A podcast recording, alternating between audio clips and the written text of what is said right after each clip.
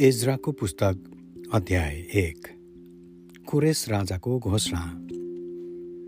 फारसका राजा कोरेसको पहिलो वर्षमा एर्मियाद्वारा भनिएको परमप्रभुको वचन पुरा हुन परमप्रभुले फारसका राजा कोरेसको हृदयलाई उत्तेजित पार्नुभयो।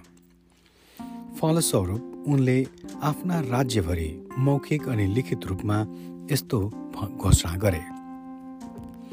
फारसका राजा कोरेस यसो भन्छन् परमप्रभु स्वर्गका परमेश्वरले पृथ्वीका सबै राज्य मलाई दिनुभएको छ। उहाँले नै मलाई यहुदाको एरुसलेममा उहाँको निम्ति एउटा मन्दिर बनाउन आज्ञा गर्नुभएको छ। तिमीहरूका बीचमा हुने उहाँका प्रजाको प्रत्येक मानिससँग परमेश्वर रहन्। सो यहुदाको एरुसलेममा उक्लेर जाओस् र एरुसलेममा हुनुहुने परमेश्वर इजरायलका परमेश्वर परमप्रभुको मन्दिर त्यसले पुनर्निर्माण गरोस्।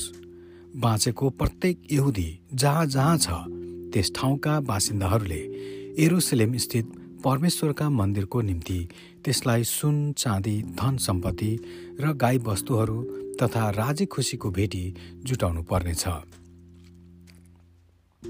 कैद गरिएकाहरू एरुसलेममा फर्केका।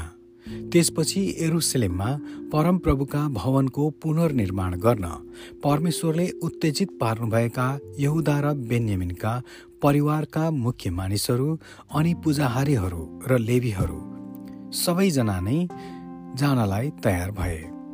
तिनीहरूका छिमेकीहरू सबैले राजी खुसीले दिएका भेटीका साथ सुन र चाँदीका वस्तुहरू धन सम्पत्ति गाई वस्तु र बहुमूल्य पदार्थहरू दिएर तिनीहरूलाई सहायता गरे।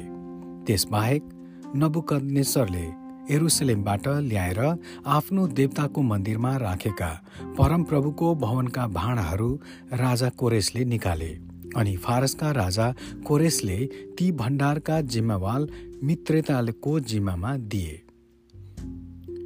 तिनले एउदाका राजकुमार शेष वर्षको निम्ति ती चिजहरूको एउटा तालिका बनाइदिए। तालिका यही थियो।